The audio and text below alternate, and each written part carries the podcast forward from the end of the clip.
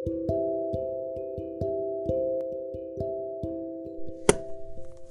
selamat jumpa kembali di perjamuan virtual kita. Apa kabar kamu di seberang sana? Semoga baik-baik saja. Dan kalau enggak baik-baik saja, nggak apa-apa kok. Kata Heidegger, itu cara kita untuk menjadi otentik ya. Menjadi tidak baik-baik saja. Menghayati dan merayakan kecemasan adalah cara kita menjadi otentik. Kali ini aku dan kamu akan membahas mistik keseharian Heidegger. Heidegger ini adalah apa ya? Dia filsuf yang sudah menjelma mitos dalam pergaulan orang-orang yang suka filsafat. Heidegger ini konon susah sekali dipahami, terutama bukunya yang berjudul Sein und Zeit, Being and Time, Ada dan Waktu. Dan dia mengakui hanya sedikit orang yang bisa memahami karya dia. Dan Sartre Jean Paul Sartre itu bukan satu di antara sedikit itu. Jadi sekolah Sartre saja si bosnya eksistensialisme ini ini nggak nggak nggak bisa memahami Heidegger gitu. Tapi uh, Budi Hardiman menurutku dia berhasil memahami atau menangkap sebagian dari Heidegger. Um, walaupun pengakuan dia itu juga hanya pendekatan tertentu terhadap Heidegger. Jadi saking luasnya dan saking uh, enigmatiknya Heidegger dia bisa didekati dengan banyak cara. Budi Hardiman pengen menangkap sisi Heidegger yang lain yaitu uh, apa ya dimensi kesehariannya Heidegger itu. Karena menurut dia ini mengandung nilai spiritualitas tertentu. Baik kita langsung masuk saja ya. Jadi kita tahu Heidegger itu adalah filsuf yang lahir dari tradisi fenomenologi oleh Edmund Husserl ini guru dia juga di Jerman. Nah, Edmund Husserl ini sangat dikagumi Heidegger. Sampai Heidegger itu konon ya. Pernah dia sangat jatuh cinta pada buku yang ditulis Husserl. Dan dia nggak membaca buku lain selain buku itu selama berbulan-bulan. Saking dia jatuh cintanya gitu. Nah Edmund Husserl juga yang menjadikan Heidegger sebagai murid kesayangan. Itu lalu banyak menulis surat rekomendasi agar Heidegger diangkat sebagai profesor di universitas di Jerman. Fenomenologi itu apa? Fenomenologi itu berakar dari kata fenomena. Fenomena itu artinya adalah menampakkan diri apa adanya. Nah, menampakkan diri apa adanya ini oleh Heidegger artinya adalah sesuatu menampakkan diri pada kita apa adanya bahkan sebelum kita sadar dia menampakkan diri gitu. Jadi ini hanya terjadi dalam dimensi yang prareflektif. Jadi terjadi secara spontan aja. Sebelum kita menyematkan gagasan, prasangka dan praduga terhadap fenomena itu sendiri. Jadi fenomena itu harusnya murni dari uh, prasangka atau asumsi kita. Nah, logos itu sendiri kita tahu ya, sering disebut ilmu, tapi dalam Heidegger itu artinya adalah menyatakan sesuatu. Jadi artinya Fenomenologi itu adalah memahami sesuatu apa adanya, tanpa prasangka, tanpa bias, tanpa praduga, tanpa asumsi, dan tanpa fantasi apa pun. Misalnya apa ya? Contoh fenomenologi yaitu memahami sesuatu apa adanya misalnya Aldi Taher. Kita kalau melihat Aldi Taher mungkin ada yang berkata, "Wah, ini orang gila ini." Atau, "Oh, lagi mabuk dia ini." Atau, "Oh, cari sensasi gitu." Atau um, gimmick dia ini Nah itu kan praduga ya. Tapi uh, kesan kita pada Ali Tahir itu bukanlah Ali Tahir yang sesungguhnya. Ali Tahir yang apa adanya itu bukanlah uh, mabok atau gila atau stres atau uh, apa ya atau cari sensasi itu hanya prasangka kita. Jadi untuk memahami Ali Tahir secara apa adanya lewat fenomenologi kita harus mengisolasi dulu gagasan atau prasangka-prasangka tadi. Dengan kita mengisolasi atau meniadakan prasangka itu, maka kita bisa melihat, menangkap Ali Tahir yang sesungguhnya. Semangat fenomenologi ini yaitu semangat untuk memahami segala sesuatu itu apa adanya, kemudian mendorong Heidegger untuk bertanya, apa itu ada? Ini pertanyaan yang sangat mendasar. Apa itu ada?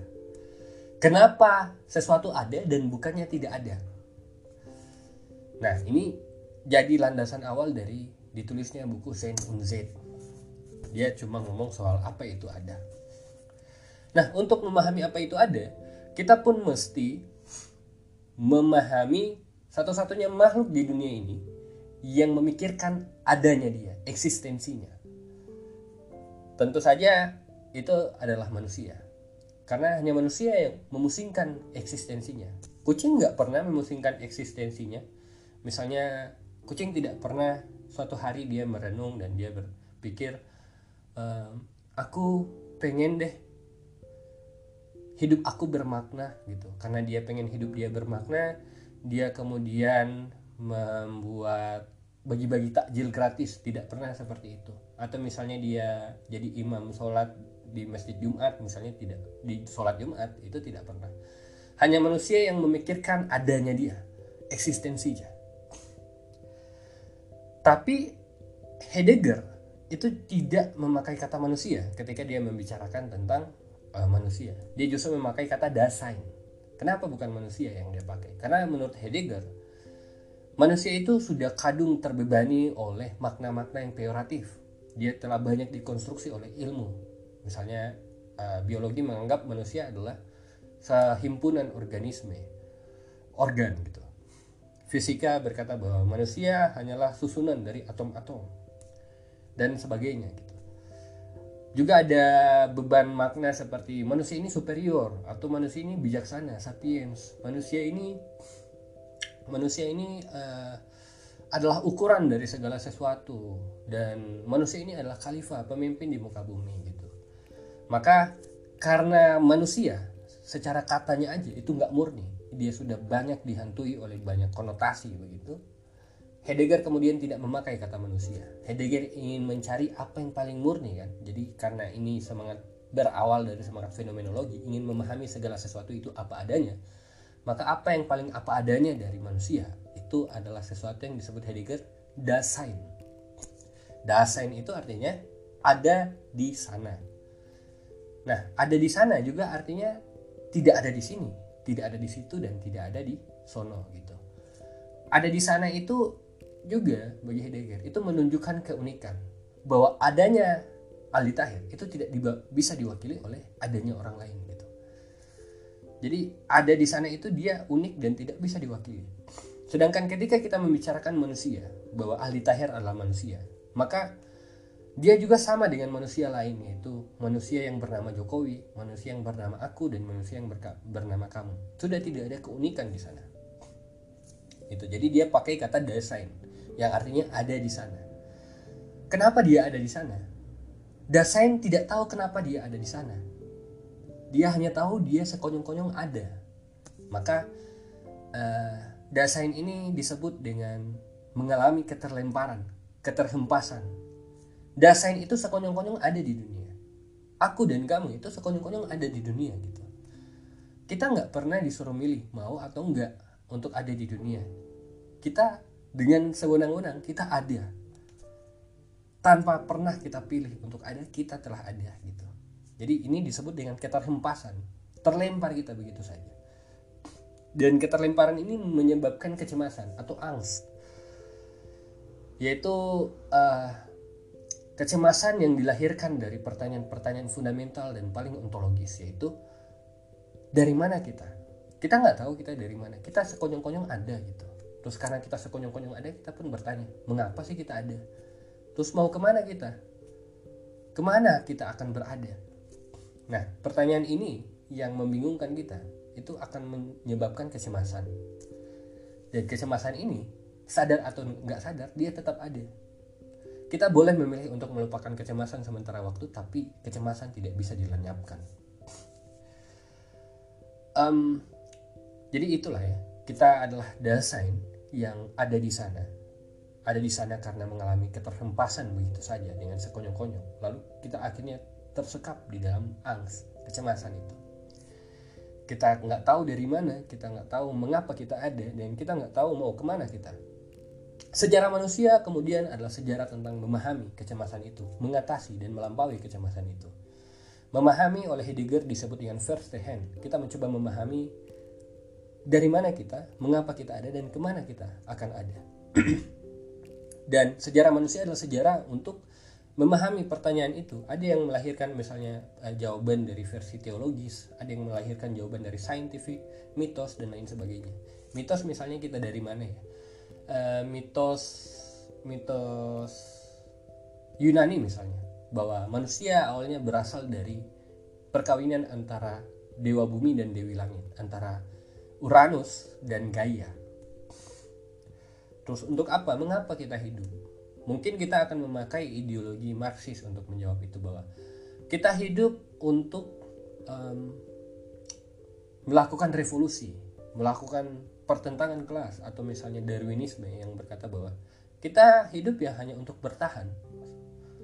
Terus mau ke mana kita? Teologi mungkin akan menjawab dengan kita nanti akan ke surga atau neraka gitu. Nah itu first hand ya, upaya memahami kecemasan itu dan kecemasan yang berakar dari tiga pertanyaan mendasar itu kemudian dicoba dijawab oleh banyak manusia. Tapi Heidegger tidak puas dengan jawaban itu dan dengan semangat fenomenologi yang artinya adalah menyingkirkan, mengisolasi segala prasangka tentang kecemasan, maka kita harus membiarkan jawaban dari mana, mengapa dan ke mana kita itu dihilangkan. Jawaban teologis kita hilangkan, jawaban saintifik kita hilangkan, jawaban mitologis kita hilangkan yang tersisa hanyalah kecemasan itu sendiri. Kecemasan yang paling murni, kecemasan yang apa adanya, yaitu dari mana, mengapa, dan akan ke mana kita. Dan hanya lewat kecemasan inilah manusia bisa menjadi otentik. Manusia otentik ketika kita menyadari kecemasan kita, menghayati, menghikmati, dan menikmati, merayakan kecemasan kita. Semua akan berbeda ketika kita lari dari kecemasan itu. Kecemasan memang kita tahu bukan sesuatu yang gampang, Kecemasan itu bagi beberapa orang adalah sesuatu yang sulit untuk ditanggung. Maka banyak yang memilih. Barangkali kita semua pernah memilih dan hari ini mungkin baru saja memilih untuk lari dari kecemasan. Kita lari dari kecemasan dengan cara pergi ke rutinitas atau dalam buku ini uh, misi keseharian ini kita memilih untuk tenggelam, terbenam di dalam keseharian atau ke tengah-tengah rutinitas gitu. Dengan terbenam ke rutinitas, ke keseharian, ke bagaimana dunia biasanya bekerja, kita mencoba untuk melupakan sedikit kecemasan itu. Meskipun kecemasan itu tidak pernah hilang. Dia ada tapi kita sembunyikan dari ingatan kita. Saat itulah manusia atau Dasein menurut Heidegger, dia tidak lagi menjadi Dasein dia tidak lagi menjadi otentik dia lalu menjadi inotentik tak otentik dan dia disebut dengan dasman Tuh, kalau dasain adalah sesuatu yang otentik yang menyadari kecemasan dia dasman adalah orang yang melarikan diri dari kecemasan dia dan kecemasan ini eh, melarikan diri dari kecemasan yang membuat dasman itu tidak lagi unik seperti das sign kenapa tidak lagi unik karena demi menyembunyikan ingatan bahwa dia itu cemas. Dia pun kemudian menyibukkan diri supaya dia terdistraksi dari kecemasan. Menyibukkan diri dengan mengikuti fashion, mengikuti uh, jebakan gaya hidup dan mengikuti tren gitu ya. Atau dalam bahasa Kierkegaard, bersedia terbenam di dalam masifikasi. Masifikasi itu artinya individualitas kita itu lenyap karena kita seolah-olah menyatu dengan kerumunan. Kita menjadi bagian dari kerumunan kita mengikuti tren yang kita ikuti bahkan tanpa sikap sadar gitu. Nah ini yang dimaksud dengan dasain itu dia menjelma menjadi dasman. Dasain menjelma menjadi dasman, misalnya dalam contoh uh, kawin misalnya. Kita kawin bukan karena kita ingin kawin, tapi kita dipaksa oleh orang tua kita atau kita cemburu pada teman-teman nongkrong kita yang rata-rata udah pada kawin lalu kita memilih untuk kawin jadi ikut kawinnya itu itu bukan lewat keputusan eksistensial melainkan karena kita ingin ikut tren kita nggak mau ketinggalan tren kita nggak mau tidak tampak gaul gitu. Atau misalnya kita menjadi dasman ketika kita memutuskan sesuatu hanya karena kita ingin terlihat seperti orang yang kita kagumi. Katakanlah ada youtuber favorit kita yang dia itu uh, vegetarian. Kita kemudian ingin menjadi vegetarian. Bukan karena kita memutuskan itu secara eksistensial lewat perenungan tapi karena kita ingin meniru orang yang kita kagumi. Begitu juga dengan misalnya uh, banyak hal lain lah ya. Jadi Dasman itu dia ingin selalu mengikuti segala sesuatu dan itu bagian dari keseharian bagian dari rutinitas. Atau misalnya mata rantai kayak kalau lulus kerja kerja nikah nikah punya anak gitu. Itu kan sesuatu yang dikonstruksi oleh keseharian oleh rutinitas. Orang yang mengikuti tahap-tahap itu tapi tidak uh, memikirkan merenungkannya dia secara reflektif itu berarti dia adalah dasman bukan dasain. Dia tidak unik dia tidak otentik saat itu. Kapankah kemudian dasman menjadi dasain? Dasman menjadi dasain ketika kita dihentak dikagetkan oleh momen krisis yang tidak memberikan kita kesempatan untuk lari. Misalnya apa? Banyak ya uh, misalnya adalah patah hati bisa cerai atau kita di PHK atau kita bangkrut atau misalnya kita lulus kuliah dan nggak tahu mau ngapain. Jadi dasman menjadi dasain kembali ketika kita disentak oleh kecemasan yang tidak mengizinkan kita lari lagi. Atau misalnya eh, bahasa yang cukup tren hari-hari ini adalah um, quarter life crisis ya krisis seperempat abad. Saat-saat di mana kita itu bingung kita mau ngapain ya dalam hidup ini? Bagaimana cara aku untuk menjalani hidup di masa depan? Apa langkah aku selanjutnya gitu. Jati diri aku apa sih? Nah itu adalah momen di mana kita menjadi dasar karena pertanyaan-pertanyaan itu di hadapan pertanyaan-pertanyaan itu tidak ada situasi lain selain kecemasan. Jadi kalau dasman itu adalah melarikan diri dari kecemasan dasain dasman menjadi dasain itu ketika kita disentak oleh kecemasan itu dan kita tidak bisa lari entah karena kita memang tidak bisa atau karena kita tidak memilih untuk lari. Kita tetap tegar dan tak gentar di hadapan kecemasan itu. Saat itu kita kembali menjadi otentik, menjadi dasar. Misalnya soal patah hati. Ketika kita patah hati, kita disentak dengan pertanyaan-pertanyaan fundamental tadi. Dari mana aku berasal, mengapa aku hidup di dunia ini, dan ke mana nanti aku akan hidup. Misalnya dari mana aku berasal, kita mungkin akan menerjemahkannya di hadapan patah hati sebagai kenapa aku dulu bertemu dengan dia misalnya. Terus uh, bagaimana aku hidup hari ini tanpa dia? Bagaimana aku memikirkan masa depan? Karena setiap hari karena dulu aku memikirkan setiap skenario masa depanku selalu ada orang itu dan hari ini tidak ada lantas bagaimana aku mau membayangkan masa depanku nah itu pertanyaan eksistensial yang kemudian mem, mem, mem, apa ya menjadi bahan bakar bagi kita untuk melakukan refleksi perenungan. Dan setelah perenungan panjang, maka akan lahir keputusan, jawaban daripada kecemasan-kecemasan itu dan itulah yang disebut dengan keputusan eksistensial. Nah, keputusan eksistensial sendiri itu artinya adalah keputusan yang kita hasilkan lewat proses permenungan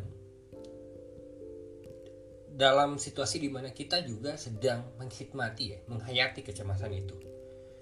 Nah, saat itu baru keputusan eksistensial bisa muncul.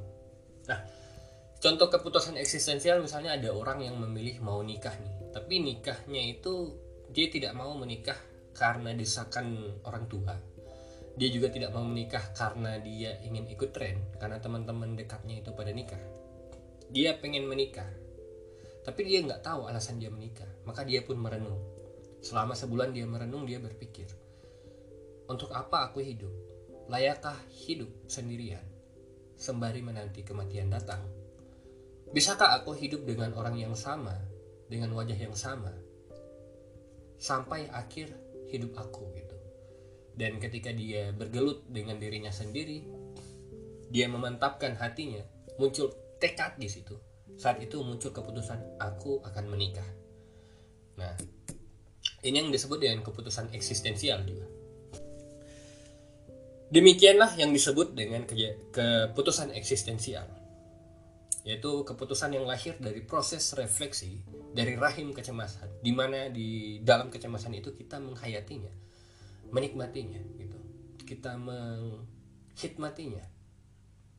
Lalu muncullah keputusan eksistensial. Dan keputusan eksistensial di dalam setiap keputusan eksistensial yang juga merupakan cara kita menghadapi pertanyaan-pertanyaan yang mencemaskan itu selalu terkandung ekspektasi akan masa depan. Jadi tidak ada proses memahami kecemasan tanpa ada ekspektasi akan kemungkinan-kemungkinan terhadap masa depan gitu. Jadi upaya memahami kecemasan itu selalu mengandung orientasi ke masa depan. Makanya kan uh, kecemasan itu terdiri dari tiga ya. Ada pertanyaan tentang dari mana tentang masa lalu mengapa kita ada tentang masa kini dan ke mana kita tentang masa depan. Tidak ada pemahaman atau first hand tanpa ada orientasi terhadap masa depan. Makanya kalau kita menggunakan Heidegger sebagai metode hermeneutika memahami gaya Heidegger itu tidak bisa dilepaskan dengan kepentingan terhadap masa depan, ekspektasi terhadap masa depan. Jadi uh, di sini dia berbeda ya dengan William di uh, dengan kalau tidak salah. Jadi memahami versi Heidegger itu selalu berorientasi ke masa depan. Ada yang berkata bahwa memahami masa lalu misalnya ya untuk memahami masa lalu itu sendiri. Heidegger tidak akan bersepakat dengan itu karena ketika kita memahami masa lalu, kita saat itu sedang mengorientasikan pemahaman kita terhadap masa depan. Seorang skriptualis, tradisionalis, bahkan seorang fundamentalis, ketika dia menafsirkan kitab suci di masa lalu, dia bertujuan dengan orientasi masa depan sebenarnya. Jadi ketika dia hendak mengukuhkan kemurnian dari ajaran masa lalu agamanya, ajaran agamanya di masa lalu, dia sebenarnya sedang punya kepentingan dan ekspektasi terhadap masa depan. Mungkin dia ingin supaya pikiran tradisional dia itu bisa bertahan hidup sampai di masa depan itu kan berarti ya demi kepentingan masa depan itu sendiri atau dia ingin supaya ajaran dia itu tidak bisa di apa ya, tetap murni dan tidak terkontaminasi oleh gagasan-gagasan lain. Nah, itu juga untuk kepentingan masa depan supaya tetap murni di masa depan. Tidak ada penafsiran yang murni demi kepentingan masa lalu, selalu demi kepentingan masa depan. Begitupun juga dengan keputusan eksistensial. Tidak pernah itu tidak terkandung ekspektasi akan orientasi masa depan di dalamnya. Gitu. Nah, jadi itu ya, Dasein dan Dasman. Jadi kadang kita menjadi Dasman karena kita berkubang dalam keseharian entah karena kita ingin melarikan diri dari kecemasan itu Kadang kita menjadi dasain ketika kita disentak oleh kecemasan atau memilih untuk cemas dengan sendirinya gitu. Saat-saat itulah saat ketika kita menjadi dasain, kita itu bisa merenungi hidup kita dan melahirkan keputusan-keputusan yang eksistensial. Tapi kalau kita berpikir dengan kacamata hitam putih ya, bahwa di sini seolah-olah ada dua kategori dasain dan dasman maka yang dasain itu otentik dasman itu tidak otentik seolah-olah uh, orang yang berpikir hitam putih atau sum zero game akan berkata bahwa kita nggak boleh menjadi dasman dasman ini harus dieliminasi 100% gitu agar kita menjadi diri kita yang otentik gitu. tapi Heidegger tidak berkata demikian Heidegger dalam bukunya menurut Budi Hartiman itu tidak memberikan penilaian normatif soal apakah dasain itu karena otentik berarti dasain itu baik dan dasman itu tidak otentik maka dasman itu buruk. Kita harus menjauhi dasman dan kita harus mendekati dasain Heidegger tidak memberikan penilaian normatif seperti itu. Uh, justru dasain dan dasman itu dua hal yang seolah-olah melekat dan sulit dilepaskan diputuskan hubungannya ketika kita menjadi dasain sedang memikirkan kecemasan kita berhadapan dengan tiga pertanyaan angker itu, kita sesungguhnya juga sedang berada di tengah-tengah keseharian kita. Dunia-dunia di mana Dasman menjalani hidup. Di sisi lain, ketika kita menjalani hidup sebagai Dasman, memilih untuk terjebak dalam rutinitas dan keseharian, seperti Sisyphus kalau kata kamus, kita dalam satu titik kita akan dipanggil oleh kecemasan kita untuk berpikir dan merenung. Misalnya suatu hari kita bekerja dan di jalan ada macet kita lalu melihat orang-orang marah di kiri kanan di depan sambil kemarahan mereka mereka ungkapkan ekspresikan dengan klakson saat itu mungkin kita yang berada di dalam keseharian sebagai dasman itu akan terpancing untuk cemas apakah benar hidup seperti ini adalah hidup yang paling baik? Tidakkah aku hidup dalam kesia-siaan begitu? Kecemasan itu kemudian bagi Heidegger adalah panggilan seorang untuk berpikir, untuk menjadi dasain. Di tengah-tengah keseharian kita bisa menjadi dasain. Dan di tengah-tengah menjalani hidup sebagai dasman kita bisa dipanggil untuk menjadi dasain. Jadi dua ini sebenarnya berdialektika. Hidup dalam satu dunia yang sama. Jadi tidak ada penilaian normatif soal mana yang baik dan mana yang buruk gitu. Oke, jadi itu ya, itu gagasan Heidegger tentang desain yang ada karena terhempas begitu saja yang menciptakan kecemasan. Mereka yang melarikan diri dari kecemasan akan menjadi dasman yang tidak otentik dan mereka yang disentak oleh kecemasan akan menjadi desain yang otentik. Kecemasan itu sendiri kita tahu tadi itu berakar dari pertanyaan dari mana, mengapa dan akan ke mana kita. Dan kita tahu bahwa ini seolah-olah mengandung tiga lapisan dimensi waktu gitu. Dari mana itu bicara tentang masa lalu. Mengapa aku ada di sini itu seolah-olah bicara tentang masa kini. Dan ke mana aku seolah-olah bicara tentang masa depan. Jadi kalau kita bagi dari dimensi waktu ini berarti bicara soal masa lalu itu adalah soal keterlemparan, keterhempasan kita ke dunia ini yang entah dari mana dan kita sekonyong-konyong ada. Masa kini bicara tentang dunia kita hari ini yaitu keseharian kita. Yang di mana kita itu tidak bisa lepas menjadi dasman sekaligus kita selalu terpanggil untuk menjadi dasain di tengah keseharian itu, di tengah-tengah masa kini. Masa depan bicara tentang ujung dari kehidupan itu sendiri yaitu kematian kita tahu tadi bahwa Dasein itu unik dalam artian dia ada di sana yang menunjukkan keunik keunikan dia. Ada di sana itu tidak bisa diwakili oleh yang di sini dan juga di situ. Ada di sana itu adalah unik gitu. Selain ada di sana, selain Dasein yang unik, keunikan lain adalah kematian. Kematian itu unik karena dia juga tidak bisa diwakili. Misalnya, katakanlah suatu hari uh, Vincenzo dari film Korea yang trakor Vincenzo itu datang untuk membunuh Deddy Corbuzier. Nah, di samping Deddy Corbuzier ada Aldi Tahir. Aldi Tahir kemudian mencegat Vincenzo untuk membunuh Deddy Corbuzier. Dengan heroik, Aldi Tahir berkata, Bunuh saja aku, karena Deddy Corbuzier lebih berguna sepertinya hidupnya daripada aku. Vincenzo kemudian memutuskan untuk membunuh Aldi Tahir saja di situ dalam drama itu seolah-olah kematian Deddy Kobusier itu diwakili oleh Ali Tahir. Tapi yang terjadi sesungguhnya adalah kematian Deddy Kobusier itu tidak pernah diwakili oleh Ali Tahir. Ali Tahir boleh menggantikan posisi Deddy Kobusier untuk mati pada saat itu, tapi kematian yang dialami oleh Ali Tahir adalah pengalaman dia dan bukan pengalaman Deddy Kobusier. Jadi kematian itu sesungguhnya adalah pengalaman unik yang tidak bisa diwakili oleh apa pun. Jadi nggak mungkin ya ada joki, joki yang kerjanya itu mewakili kematian orang lain gitu. Eh, jual jasa, jual jasa siapa yang kematiannya mau aku wakili itu mustahil.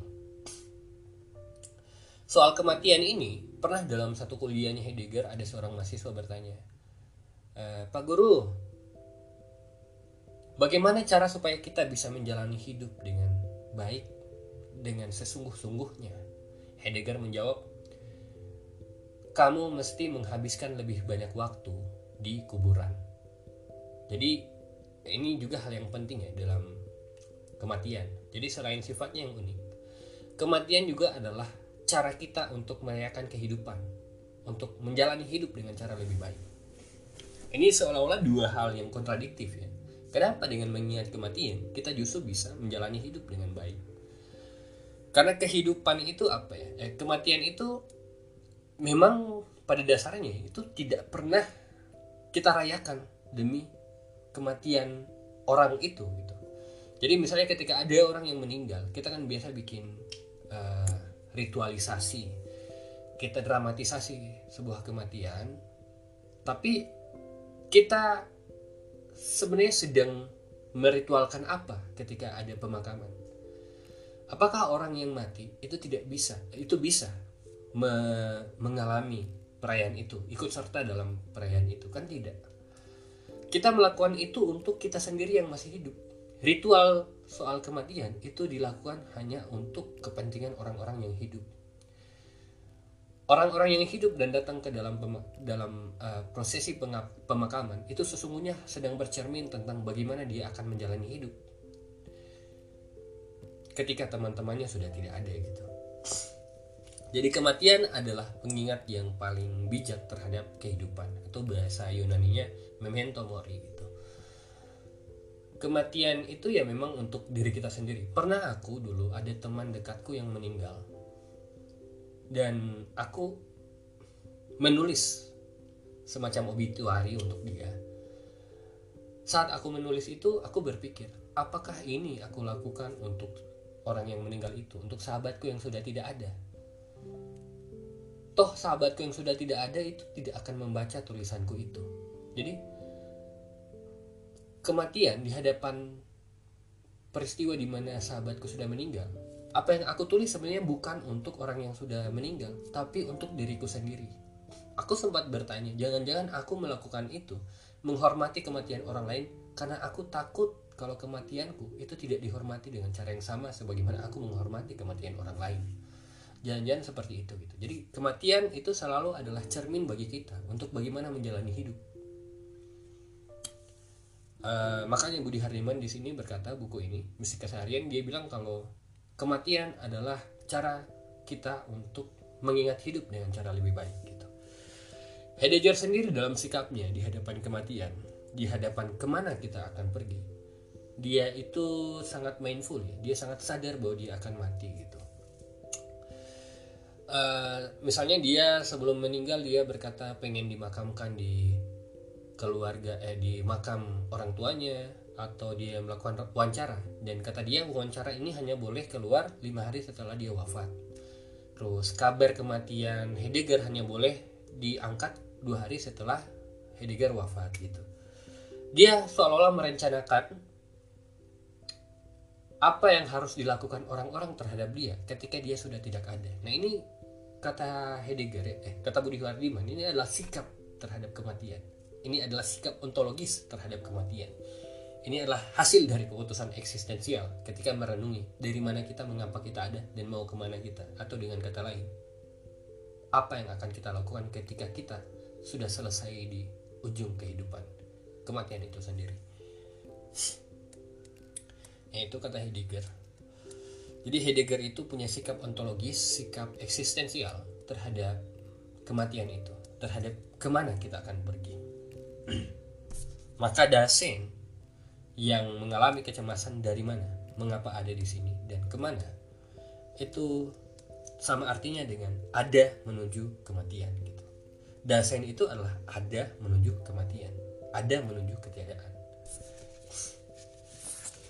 Kematian juga bukan akhir bagi Heidegger. Akhir itu kan dia seolah-olah apa ya? Seolah-olah berada di ujung, seolah-olah uh, menjadi titik finish dari kehidupan Kematian bagi Heidegger itu bahkan sudah ada sebelum kita terlempar. Jadi sudah ada setelah kita terlempar. Jadi ketika kita lahir, saat itu kematian sudah menyongsong kita. Karena apa ya? Kematian itu hanya sesuatu yang tidak tampak dalam kehidupan. Gitu. Nah, sikap Dasein terhadap kematian itu adalah sikap seperti Heidegger. Menyadari bahwa suatu hari nanti kita tidak akan ada. Terus barangkali lebih jauh mempersiapkan bagaimana cara orang memperlakukan kita kalau kita sudah tidak ada. Terus sikap menerima pasif. Terbuka terhadap kemungkinan-kemungkinan di masa depan bahwa suatu hari nanti kita akan mati. Itu sikap Dasein sikap yang otentik tapi sikap Dasman di hadapan kematian adalah menyangkal ajal kita sudah pernah bahas ya ada di podcast ini judulnya menyangkal ajal dari Ernest Becker banyak orang yang menyangkal ajal misalnya dengan bersikap heroik atau uh, mengembangkan doktrin teologis tertentu. Ada orang menyangkal ajal misalnya dengan pengen menulis misalnya. Kayak Pram. Pram itu berkata menulis adalah dedikasi untuk keabadian. Yang gemanya mirip dengan pepatah Latin ya. Verba valens scripta manen apa yang tidak tertulis akan rusak dan yang tertulis akan abadi menulis sebanyak-banyaknya untuk diingat itu adalah upaya menyangkal ajal bahwa dengan harapan suatu hari nanti ketika aku tidak ada dalam artian aku telah mati aku masih hidup lewat tulisan-tulisanku tapi sekali lagi kematian itu unik. Kematian itu nggak bisa diwakili. Pram tetap saja dia mati dan tulisan dia itu tidak bisa mewakili dia kehidupan dia karena dia sudah mati. Yang hidup ya tulisannya doang gitu. Tapi apakah Pram masih hidup? Tidak. Secara eksistensial dia sudah tidak hidup, dia sudah mati. Hanya saja karya tentang Pram yang Pram tulis itu masih ada. Dan itu dua hal berbeda. Dan sikap menyangkal ajal, eh, saya tidak dalam konteks berkata bahwa Pram itu menyangkal ajal ya, tapi anggapan bahwa tulisan Pram membuat Pram itu abadi dan masih hidup itu keliru. Karena Pram ya tetap saja sudah mati dan tulisan dia itu yang masih ada tulisannya bukan pramnya. Nah dan sikap menyangkal ajal melupakan bahwa kita bisa mati kapan saja. Menyibukkan diri supaya kita tidak memikirkan tentang kematian itu adalah sikapnya dasman. Jadi karena kita gentar khawatir cemas dengan kematian itu yang merupakan bagian dari kecemasan kita pun melarikan diri ke rutinitas dan pura-pura lupa bahwa suatu hari nanti kita akan mati. Bahkan kematian itu selalu mengintai kita di mana pun kita pergi kapan pun kita ada. Nah jadi buku misi keseharian ini juga kayaknya punya nilai yang penting untuk membantu kita lebih menghayati tentang kematian. Uh, ada penulis favoritku penulis kreatif yang bernama Austin Kleon. Di bukunya berjudul Still Like Artist dia juga bilang kalau salah satu semangat dia misalnya menjalani hidup dari hari ke hari adalah tiap pagi membaca kolom obituari gitu. Karena obituari itu kan tentang apa ya, tulisan tentang orang yang sudah meninggal dan dengan membaca tulisan tentang orang yang sudah meninggal kita kayaknya punya semangat yang lebih besar untuk menjalani hidup agar tidak lagi sia-sia gitu. Nah konsep lain di dalam buku ini adalah konsep tentang waktu. Waktu menurut Heidegger itu tidak seperti apa yang kita kenal hari-hari sebagai arloji atau jam dinding atau kalender gitu. Nah itu bukan waktu, itu hanyalah apa ya, bahasa Heidegger mungkin itu waktu objektif. Tapi waktu sesungguhnya bagi Heidegger itu disebut dengan waktu eksistensial. Jadi berbeda antara waktu eksistensial dan waktu objektif. Waktu objektif itu adalah waktu yang dicoba, yang diukur, ditangkap oleh manusia dengan patokan-patokan tertentu misalnya jam, detik, menit, hari, bulan, dan tahun. Itu waktu objektif. Manusia memakai itu untuk apa ya? Uh, sebagai apa ya? Sebagai alat membuat kesepakatan, misalnya kita ketemu jam berapa nih? Atau alat untuk mengingat gitu. Eh, ingat ya ulang tahunku tanggal 11 eh 19 September misalnya. Dan lain sebagainya jadi waktu objektif itu bukanlah waktu, tapi waktu objektif adalah uh, upaya manusia untuk menangkap waktu. Tapi upaya menangkap waktu dan waktu itu sendiri kan dua hal berbeda. Waktu objektif bukanlah waktu eksistensial. Bagaimana kita bisa membayangkan waktu objektif? Eh, waktu eksistensial gitu. Kita tahu ya, jadi waktu objektif itu kan jam, kalender, terus uh, yang pasir gitu itu hanya berlaku untuk dasman waktu objektif itu berlaku untuk dasman orang yang ingin hidup dalam keseharian tapi dasain untuk men menjadi dasain kita harus hidup dalam waktu eksistensial. Nah bagaimana kita bisa memahami konsep waktu eksistensial? Kita harus membayangkan bahwa arloji, jam dinding, jam pasir, dan kalender di seluruh dunia ini tidak ada. Jadi kita harus menghilangkan seluruh konsep-konsep objektif, objektifikasi tentang waktu dan waktu-waktu objektif, durasi-durasi yang bersifat teknis, segala yang bersifat kronometri itu kita hapuskan di dunia ini. Kita bayangkan tidak ada. Maka bagaimana? Yang ada setelah itu apa? Ini semangat fenomenologi ya. Mengisolasi segala konsep prasangka kita soal waktu. Prasangka bahwa waktu adalah uh, detik yang bergerak atau jam yang terus melaju, kalender yang terus tumbang, dan lain sebagainya itu adalah prasangka dan semangat fenomenologi adalah ingin melihat sesuatu itu apa adanya. Ingin melihat waktu sebagai apa adanya. Ketika seluruh kronom seluruh patokan waktu itu kita hilangkan di dunia apakah yang tersisa? Yang tersisa ya hanyalah masa kini dan masa depan dan masa lalu. Nah itulah waktu. Dan dalam penghayatan terhadap yang ada hanyalah hari kini dan masa depan. Di situlah dasman berubah menjadi dasain. Tidak ada lagi pertanyaan soal 10 menit kemudian aku akan ngapain tapi yang ada hanya di masa depan aku akan ke mana? Apa yang aku akan lakukan di masa depan? Keputusan apa yang akan aku buat di masa depan? Tidak ada lagi misalnya satu tahun kemudian aku akan menjadi dokter dua tahun kemudian aku akan menjadi presiden. Tidak ada begitu maka Heidegger kemudian uh, membuat konsep yang dia sebut dengan mewaktu. Mewaktu itu artinya adalah membiarkan masa depan menampakkan diri di, secara apa adanya kepada kita. Masa depan itu menampakkan diri secara apa adanya pada kita bukan dalam bentuk detik jam hari dan tahun. Tapi dalam bentuk masa depan itu sendiri. Ini agak sulit ya. Secara teoritis sulit. Tapi kayaknya kita bisa paham ya secara praktis ya. Secara praktis bahwa kita bayangkan kita biasanya menghitung jarak antara kini dan masa depan. Itu kan biasanya lewat detik ya.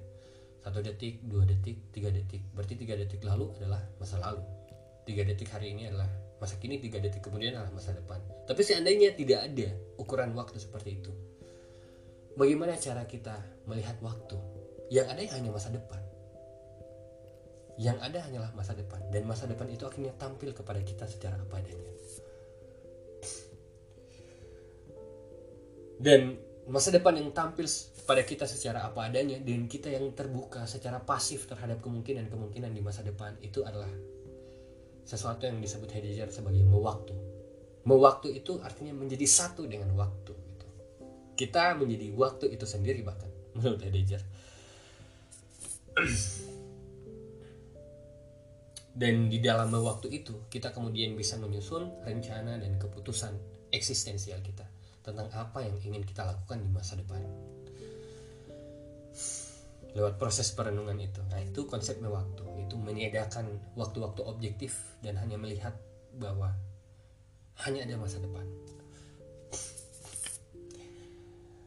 Uh, itu mungkin apa ya nggak tahu tapi sepengetahuanku ya itulah waktu itu ya mungkin ada penafsiran yang lebih canggih selain itu ya paling itu aja sih ya menurutku Heidegger ini dia banyak sekali memakai kata-kata yang asik ya. jangan kan di bahasa Indonesiain bahasa Jerman aja banyak orang Jerman yang filsuf Jerman aja yang susah memahami kata-kata Heidegger apalagi di Indonesia yang kita itu kesulitan memilih padanan kata terhadap bahasa Jerman yang dipakai Heidegger ya. Heidegger banyak memakai bahasa kuno, bahasa arkais ya kalau di bahasa Indonesia itu. Banyak kata-kata dia yang juga dia gabungkan, misalnya ada di sana. Itu ada di sana kan kalau kita adalah empat suku kata di situ. Ada di sana. Eh, tiga ya. ada di sana. Nah, Heidegger biasa menggabungkan itu ada di sana jadi satu suku kata. Nah, banyaklah gitu soal sering kali mungkin menurutku yang membuat Heidegger sulit dipahami adalah bahasanya yang rumit dan dia suka bikin semacam neologisme tidak heran kalau nggak salah ada ya kamus khusus untuk bahasa-bahasa Heidegger selain waktu yang aku sulit memahaminya secara teoritis yang aku tahu ya uh, waktu eksistensial itu dia sangat sangat sangat apa ya dia sesuatu yang tidak bisa diukur dengan jam, dengan arloji dan lain sebagainya. E, waktu itu ya menjadi satu dengan waktu. Seperti misalnya istilah dia itu meruang. Meruang itu menjadi satu dengan ruang. Atau misalnya kayak kita main gitar atau bersepeda. Ketika kita bersepeda, tidak ada kesadaran subjek objek di situ bahwa aku adalah subjek dan sepeda adalah objek. Ketika kita bersepeda, kita dan sepeda itu seolah-olah satu. Sehingga kita dan sepeda itu seolah-olah menubuh atau kita bersetubuh dengan sepeda. Karena kita menganggap sepeda itu seolah-olah adalah bagian dari tubuh kita. Nah, itu adalah konsep meruang. Makanya Heidegger berbeda dengan Husserl sang guru ya. Husserl berkata bahwa apa ya uh, Husserl berkata bahwa fenomena itu ada di luar diri di luar kesadaran kita. Jadi fenomena ada di luar kesadaran kita gitu. Uh, sedangkan menurut Heidegger fenomena memang ada di luar kesadaran kita. Tapi kita sebagai kesadaran. Juga adalah fenomena. Jadi fenomena bagi Heidegger adalah kita. Kita adalah bagian dari fenomena gitu. Maka karena kita adalah bagian dari fenomena kita lah fenomena itu sendiri. Dan fenomena contoh fenomena misalnya dunia waktu ruang sepeda dan lain sebagainya. Karena kita adalah bagian dari fenomena dan fenomena itu misalnya contohnya adalah dunia ruang waktu dan lain sebagainya. Maka kita juga adalah waktu kita adalah dunia kita adalah ruang dan kita adalah sepeda. Jadi ada istilah mewaktu meruang mendunia mengada. Jadi karena fenomena itu pada dasarnya adalah ada maka kita pun mengada. Menjadi bagian dari sesuatu yang seolah-olah tidak mirip dengan kita gitu. Uh, ini mungkin sesuatu yang dipahami secara logis ya kalau aku pakai uh, biasa aku pakai semacam silogisme itu sulit ya. Tapi kalau dibayangkan, diimajinasikan, terus dipraktekkan mungkin lebih mudah untuk lebih memahami. Makanya Heidegger memang dia lebih daripada pemahaman teoritis terutama di buku mistik keseharian ini dia adalah pengalaman praktis ya sesuatu yang tidak akan bermanfaat kalau kita biarkan terkurung di dalam pikiran kita uh, aku memang beberapa kali mencoba mempraktikkan misalnya bagaimana ya mau mengukur jarak antara masa kini dan masa depan itu tanpa hitungan waktu. Dan ketika aku mencoba menghayati saat ini sebagai saat ini seperti misalnya ketika bermeditasi ada perasaan ganjil perasaan asing gitu. Perasaan seolah-olah aku tercerabut dari dunia keseharian dari waktu objektif itu. Dan itu adalah perasaan yang sangat mengundang kita untuk berpikir reflektif menghasilkan keputusan-keputusan yang penting di hadapan masa depan. Menurutku ini buku yang bagus bagi kita bukan hanya karena dia menantang secara intelektual tapi karena dia punya fungsi praktis ya. Bahwa filsafat ternyata tidak selalu sesuatu yang mengawang-awang yang tidak bisa dipraktikkan dalam kehidupan nyata. Ternyata Heidegger itu juga punya kontribusi banyak untuk pengembangan-pengembangan nilai spiritualitas gitu terutama dalam kehidupan sehari-hari gitu oke baik begitu saja Terima kasih karena sudah menyimak. Mohon maaf kalau pusing, aku juga pusing dan senang punya teman untuk memusingkan Heidegger bareng-bareng. Semoga kamu baik-baik saja di sana dan kalau tidak baik-baik saja tidak apa-apa. Selamat menghayati dan menghikmati kecemasan kita. Bye bye.